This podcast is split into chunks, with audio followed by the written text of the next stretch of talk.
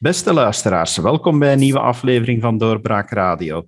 Ik ben David Geens en mijn gasten vandaag zijn Brussel-senator Bob de Brabander en Ortwin de Poortere, commissievoorzitter van Binnenlandse Zaken en beide politicus voor Vlaams Belang. Welkom, heren. Dankjewel. David. Meneer de Brabander, u bent delegatieleider geweest van een reis naar Polen. Ik neem aan dat dat geen plezierreisje geweest is, maar dat dat een zeer wel omschreven doel had. Ja, dat klopt helemaal. Hè. We zijn uh, afgelopen zondag vertrokken en uh, dinsdagmiddag waren we eigenlijk uh, al terug. we hadden daar een heel drukke agenda. We zijn niet zomaar naar Polen gereisd natuurlijk. zoals iedereen intussen wel weet, er is redelijk wat over te lezen in de pers, zitten we daar met een heuse crisis aan de Wit-Russische grens, de Wit-Russische grens met Polen. een illegale crisis zal ik het hier maar noemen. Het is namelijk zo dat um, de Wit-Russische dictator Lukashenko die voert er op dit moment een soort hybride oorlog met Europa. Uh, en eigenlijk op een vrij cynische manier uh, gebruikt hij illegale om uh, Europa te treffen. En hij heeft, hij daarbij mikt hij natuurlijk vooral op Polen. Ik ben zelf senator en vanuit, vanuit de Senaat ben ik dus ook afgevaardigd in de Raad van Europa. We hebben daar een fractie. die fractie heet ECDA. Dat zijn de European Conservatives and Democratic Alliance. Um, ja, ik maak daar deel van uit, maar bijvoorbeeld ook de Poolse regeringspartij uh, Recht en Rechtvaardigheid. Uh, dus ik heb ook wel wat contact daar met, uh, met die Poolse regeringspartij. En ja, we volgden een beetje het nieuws en zo ging de bal wel snel aan het rollen. zij vroegen, ja, zijn er mensen die geïnteresseerd zijn eventueel om daarheen te gaan? En uiteraard, ja, we moeten er niet flauw over doen. Migratie is een belangrijk thema van mijn partij. Dus ik heb die kans met beide handen gegrepen. En we zijn dan uiteindelijk met een delegatie uh, naar Warschau getrokken, moet ik wel zeggen. We zijn niet tot aan de grens geweest, maar naar Warschau. Uh, met een delegatie met collega's uit Duitsland, uh, Hongarije, Oekraïne. en in Warschau hebben wij verschillende ministers ontmoet, om die dan de situatie toch aan ons hebben uitgelegd. Waarom zijn we zelf naar daar gegaan? We vinden het belangrijk om informatie uit eerste bron te krijgen. En daar zullen we misschien later nog op terugkomen in deze podcast. de Polen zijn nogal gefrustreerd leek me, over de desinformatie die uh, over hen werd verspreid. En welke desinformatie is dat dan, uh, meneer De Poortre? Wel, um, het, staat eigenlijk, um, het is eigenlijk voor iedereen klaar en duidelijk dat um, de westerse media een beeld ophangen van Polen als uh, bijna een politiestaat, waar er uh, zeer weinig rechten zijn voor minderheidsgroepen en zo verder, maar waar dat ze eigenlijk uh, zouden de westerse media moeten geloven, um, waar ze ook zeer hardvochtig zijn ten opzichte van asielzoekers en immigranten. Um, dat is uiteraard een totaal verkeerd beeld. Um, we hebben dat ook mogen ervaren tijdens de ontmoetingen die we gehad hebben, onder andere met Mr. Grodecci, dat is de minister van Binnenlandse Zaken, ehm, die ons wel op een zeer goede manier heeft uitgelegd wat zij eigenlijk doen aan die grens tussen Wit-Rusland uh, en Polen. Um, en dat is vanaf er asielzoekers binnenkomen op het grondgebied van Polen, dat die wel degelijk bescherming krijgen, dat die ook wel het recht hebben om asiel aan te vragen als die medische hulp nodig hebben, dat zij ook medische hulp krijgen. De ziekenhuizen in die regio's liggen uh, vol met asielzoekers die uh, medische hulp uh, konden gebruiken. Maar wat ze wel doen, en daar maken ze wel een punt van, een zeer terecht punt, dat is die asielzoekers zoveel als mogelijk tegenhouden aan de grens. Net omwille, zoals Bob ook zei, omdat er hier een politiek spel wordt gespeeld vanuit Rusland en Wit-Rusland, om eigenlijk een migratiestroom te orchestreren, te organiseren, niet enkel tegen Polen, maar tegen uh, de gans, gans Europa. Want die asielzoekers, raar maar waar, um, vragen geen um, asielrecht aan in Polen. Zij willen gewoon verder reizen naar Duitsland, naar Frankrijk, ook naar ons land, omdat ze weten dat ze Ik denk, als ik even mag inbreken, ik denk denk dat er, als ik het nog juist heb, Ortwin, ze hebben ons gezegd hoeveel asielzoekers, want ze vragen het altijd, dus het, zijn, het gaat er toch al over een paar duizend mensen die dan in Polen zijn binnengeraakt, hoeveel asielzoekers dat wel degelijk uh, asiel hebben uiteindelijk aangebracht in Polen, en dat waren er nog geen tien. Ja. Aan de grensposten. Ja. Dat is inderdaad een laag cijfer. Maar we, we, krijgen hier inderdaad het beeld dat, dat men niet eens de kans krijgt om asiel aan te vragen. Maar dat beeld dat klopt dus niet. Men krijgt die kans wel, Maar het zijn geen asielzoekers, het zijn gewoon migranten. Want daar moeten we altijd een onderscheid in maken. Ja, dat klopt volledig.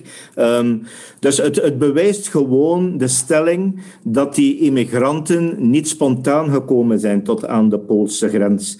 Uh, die, Polen, die, sorry, die asielzoekers zijn aangevoerd uh, per vliegtuig. Daar wordt effectief geronseld door autoriteiten van Russische zijde in de landen van herkomst. Van, ah, wilt u naar het land van melk en honing? Ah, we hebben voor u een chartervlucht, kom maar mee. Um, zijn sommigen die niet eens weten dat ze aan de Poolse grens zitten. Uh, het het uh, zeer bizar verhaal van asielzoekers die men aantrof op Pools grondgebied, uh, die dachten dat ze in Duitsland vertoefden.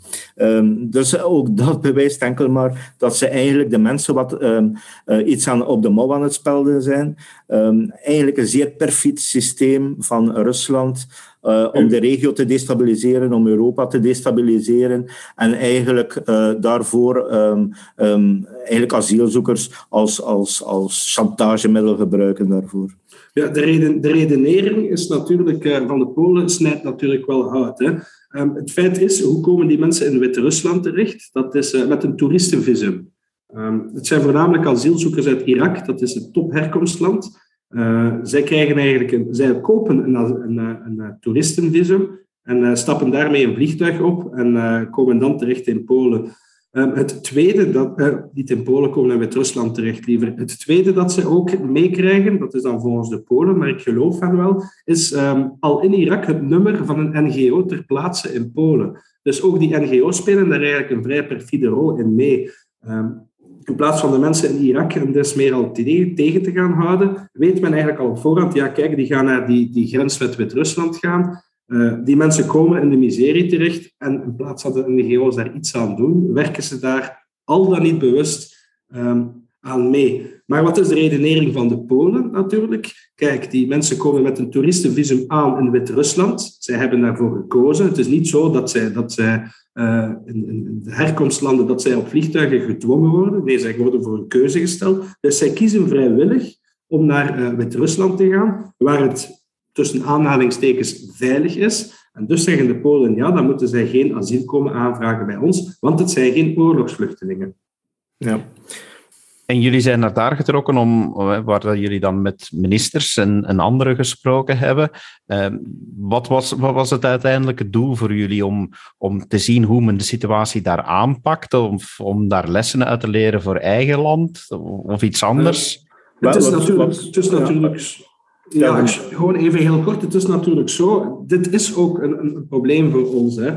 Ehm, we moeten ons zeer wel bewust zijn van het feit ja, nu wordt, er wordt het hier afgeschilderd alsof de Polen uh, de grens met, uh, van Polen aan het verdedigen zijn. Maar het zou veel gemakkelijker zijn, en dat heeft een van die ministers ons ook uh, vrij rechtuit gezegd, moesten zij gewoon een corridor maken van de Wit-Russische grens naar Duitsland en dan zeggen, hop, het passeert. dan zitten wij met de gebakken peren. Hè. Die migranten reizen door tot Duitsland, reizen door tot Frankrijk, Nederland, uh, België, sommigen willen ook via die weg zelfs tot het Verenigd Koninkrijk geraken. Eigenlijk zijn de Polen niet alleen de Poolse grens aan het verdedigen, maar, uh, maar ook onze grens. En vanuit die optiek, omdat wij dat uh, eigenlijk toch wel begrepen, zijn wij naar daar getrokken. Zeker ook met in dien verstande dat dan een Sami Medi uh, oproept, de Polen ook openbaar oproept, ja, zet die grens maar open. Uh, de Polen moeten die mensen binnenlaten. Sami Media houdt er helemaal geen rekening mee dat die mensen gewoon niet in Polen willen blijven. Ja. Maar misschien nog één aanvulling daarop. Um, dat is inderdaad het politieke verhaal. Um, Sammy Medi die zegt laat ze allemaal binnen uit humanitaire redenen, alsof dat Polen inhumaan zou zijn, tot daar aan toe. Maar het is vooral um, de politieke steun die Polen ontbreekt. Niet enkel de, de ontbrekende politieke steun uit België, maar ook uit Europa. en dan ten tweede, waar, waarop we in het begin al gealludeerd hebben, dat is de desinformatie. Uh, bijna elke minister die we ontmoet hebben, uh, hamerde erop van verspreid alstublieft in uw land, verspreid in Duitsland, uh, in, in België, maar, maar uh, ook in de Oekraïne, een Oekraïnse delegatie die mee was.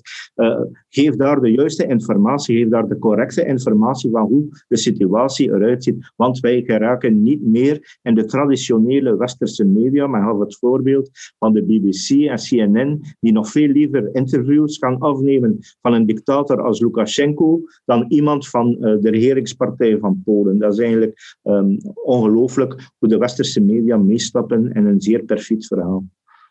Dus jullie reis was ook voor een stuk een steunbetuiging aan Polen in deze situatie? Zeker weten, zeker weten. Um, zoals ik daarnet al zei, wij, gaan, wij zijn daar naartoe geweest vanuit de optiek dat Polen ook onze grenzen aan het beschermen is. En ik denk dat men zich daar in Europa zeer bewust van moet zijn. Hè. Um, het is, en, het spel dat daar gespeeld wordt aan die grens, um, is ook, uh, ja, het, het, loopt nogal uit de hand. Hè. Uh, de Polen wezen er ook op dat er geheim agenten en militairen van, uh, van de Wit-Russische kant ook bezig zijn die migranten op te stoken. En die zelfs nog verder gaan. Hè. Zo worden daar heel straffe lasers ingezet om de Poolse grenswachten bijvoorbeeld te verblinden. zij delen materialen uit aan, aan, aan illegalen om de grensbewaking die er al is, de schamele grensbewaking die er al is, om die af te breken. Um, en intussen kijkt Europa daar maar naar. Uh, de Polen willen natuurlijk iets meer doen. Hè. Ze, zij willen een echte grensmuur bouwen. Zij willen uh, de grensbewaking die, die zij nu hebben uh, opschalen. Maar dat kost handenvol geld. Maar van een financiële inspanning of steun is er langs de Europese kant nog, nog helemaal geen sprake. En dat zit hen wel, wel degelijk heel dwars, ja.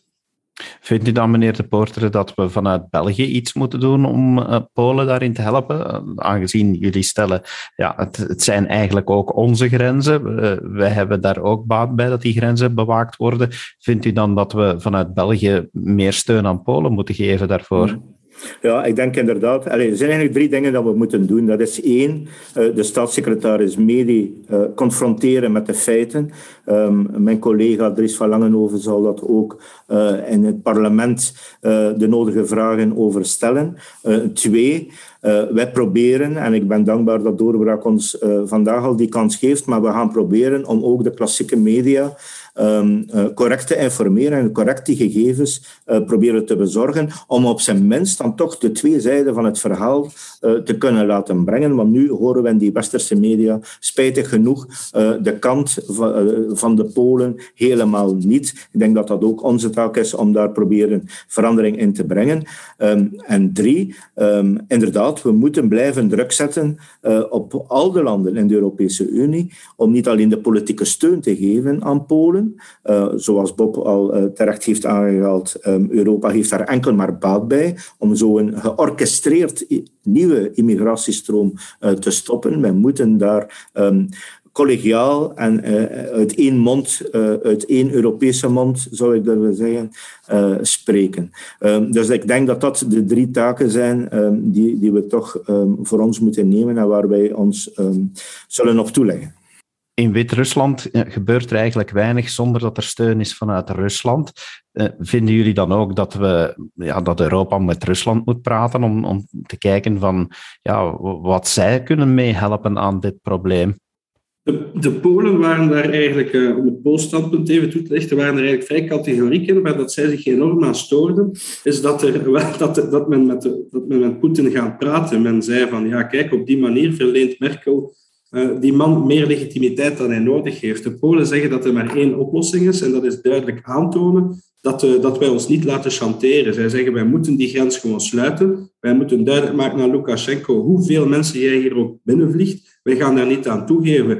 En daarnaast hebben zij ook gepleit voor uh, verdere sancties. Over Rusland hebben we het eigenlijk niet zo in detail gehad, behalve dat natuurlijk dat er die connectie is met, met Lukashenko, maar verdere en uh, straffere sancties vooral tegen Wit-Rusland gericht. Want nu vonden zij de sancties zoals die waren um, veel te licht. Zij wezen er trouwens ook op dat er uh, bij, het, uh, bij, de afgelopen verkiezingen in Wit-Rusland, die Lukashenko toch, ja, dat mogen we toch wel vaststellen, gestolen heeft, dat men daar eigenlijk een kans heeft laten liggen om echt hard op te treden en dat we daar nu de gevolgen van dragen.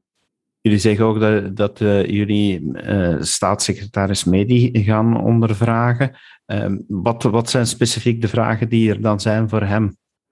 Wel, we hebben eigenlijk zeer expliciet de vraag gesteld aan de Polen zelf. Wat verwachten jullie eigenlijk? Um, maar ik dacht eerst in, in, eerste instantie dat zij materiële hulp zouden uh, nodig hebben, of manschappen. Uh, uh, ik dacht in, in, eerste instantie misschien moeten we wel wat, een oproep doen om, om bijvoorbeeld legereenheden ter versterking te sturen naar die buitengrenzen. Um, maar ze zijn daar eigenlijk zeer eerlijk in geweest en eigenlijk zeggen ze nee. wij managen, managen die, die grensbewaking. Wij hebben daarvoor eigenlijk geen extra manschappen nodig. Um, wat zij wel vragen is vooral de politieke steun. Um, zij vragen niet, om, niet onmiddellijk uh, de materiële steun, maar wel um, dat zij gesteund worden in de manier waarop zij uh, aan grensbewaking doen. En uiteraard, als er sancties moeten uitgevaardigd worden, dat die ministers en staatssecretarissen die bevoegd zijn voor immigratie, dat ook Van der Leyen bijvoorbeeld duidelijke taal spreekt daaromtrent. Um, met andere woorden, dat Europa eigenlijk um, als eenheid, uh, als sterke mogendheid um, zou optreden of klare taal zou spreken um, uh, ten opzichte van Wit-Rusland en, en Rusland. Onder andere uh, door economische sancties op te leggen. Wat zij helemaal niet vragen, dat is dat het probleem zou escaleren. Zij hebben um, een 400 kilometer grens tussen Polen en, het, en met Rusland. Dus dat valt al bij al om die te bewaken wel mee. Ze, ze hebben ook een aantal, um, aantal plannen daaromtrent. Um, ze hebben onder andere wel wat militairen in de streek, maar bewust zetten ze die militairen niet actief in. Zij spelen, de militairen spelen eigenlijk uh, een tweede rangsrol. Het zijn de grenswachters en de politiemensen die eigenlijk daadwerkelijk de grens bewaken, omdat dat ook zo wettelijk is vastgelegd. Ik heb gevraagd of dat de NAVO eventueel een rol kan spelen in de bewaking van de grens, maar ook daar um, waren ze eigenlijk um, vrij categoriek en hebben ze dit aanbod eigenlijk um, afgewezen door te zeggen van nee, wat is niet onze bedoeling om dat conflict te laten escaleren, om daar een, een soort um, grensoorlog van te maken. Um, ze vragen wel dat Europa vooral die politieke uh, steun geeft en dat er eventueel ook economisch nagedacht wordt over hoe uh, Europa, ook Europese landen individueel staan ten opzichte van Rusland. Onder andere de bevoorrading van onze energie, contracten die afgesloten worden uh, met Rusland voor de, voor de gasleveringen en zo verder, is allemaal zeer nefast. Um, om tot een oplossing te komen, want daarmee heeft Rusland uiteraard een troef in handen um, om uh, nog bijkomende uh, garanties op tafel te leggen. Um, en het wordt, dan, dan wordt het wel zeer, zeer moeilijk. Waar het, voor alle duidelijkheid, ze verwachten wel financiële steun. en dat zouden ze toch wel graag krijgen voor het bouwen van, van een grensmuur. Maar het, meer fysieke, het echt sturen van militairen, dat vonden zij blijkbaar niet nodig. Maar iets anders dat ook ter sprake kwam, is ja, er komen nu en dan wel een aantal van die illegale Polen binnen. Ehm, het probleem is vaak, ook al is het bewezen dat het boot onderdanen zijn van Irak, is dat het vliegtuig dat zij willen terugsturen naar Irak, dat Irak uh, weigert om uh, die mensen terug te nemen. Dat is natuurlijk een verhaal dat wij in België ook kennen. Hè. Ehm, maar hetzelfde is bijvoorbeeld, dat zijn niet louter Irakezen, ook zelfs met Marokkanen, die, die op een of andere manier die hele omreis hebben gemaakt. Ook Marokko neemt die niet terug.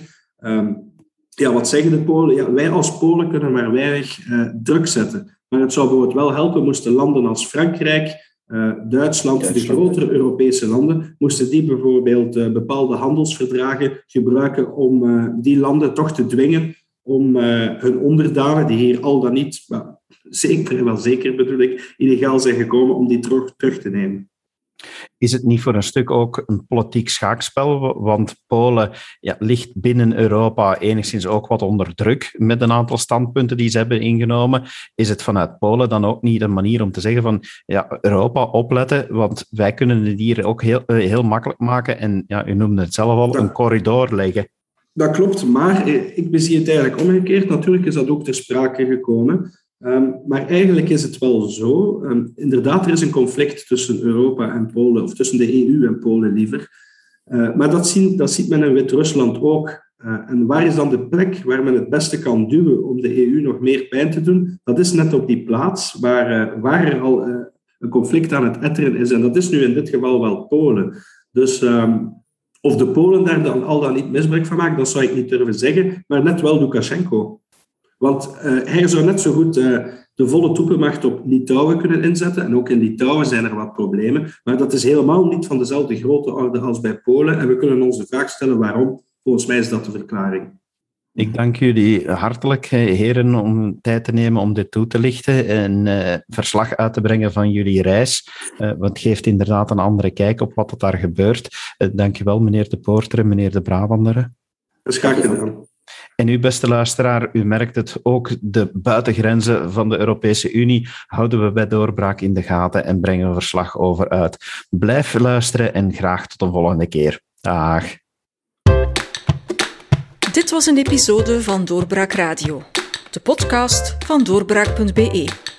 Volg onze podcast op doorbraak.be/slash radio of via Apple Podcasts, Overcast of Spotify.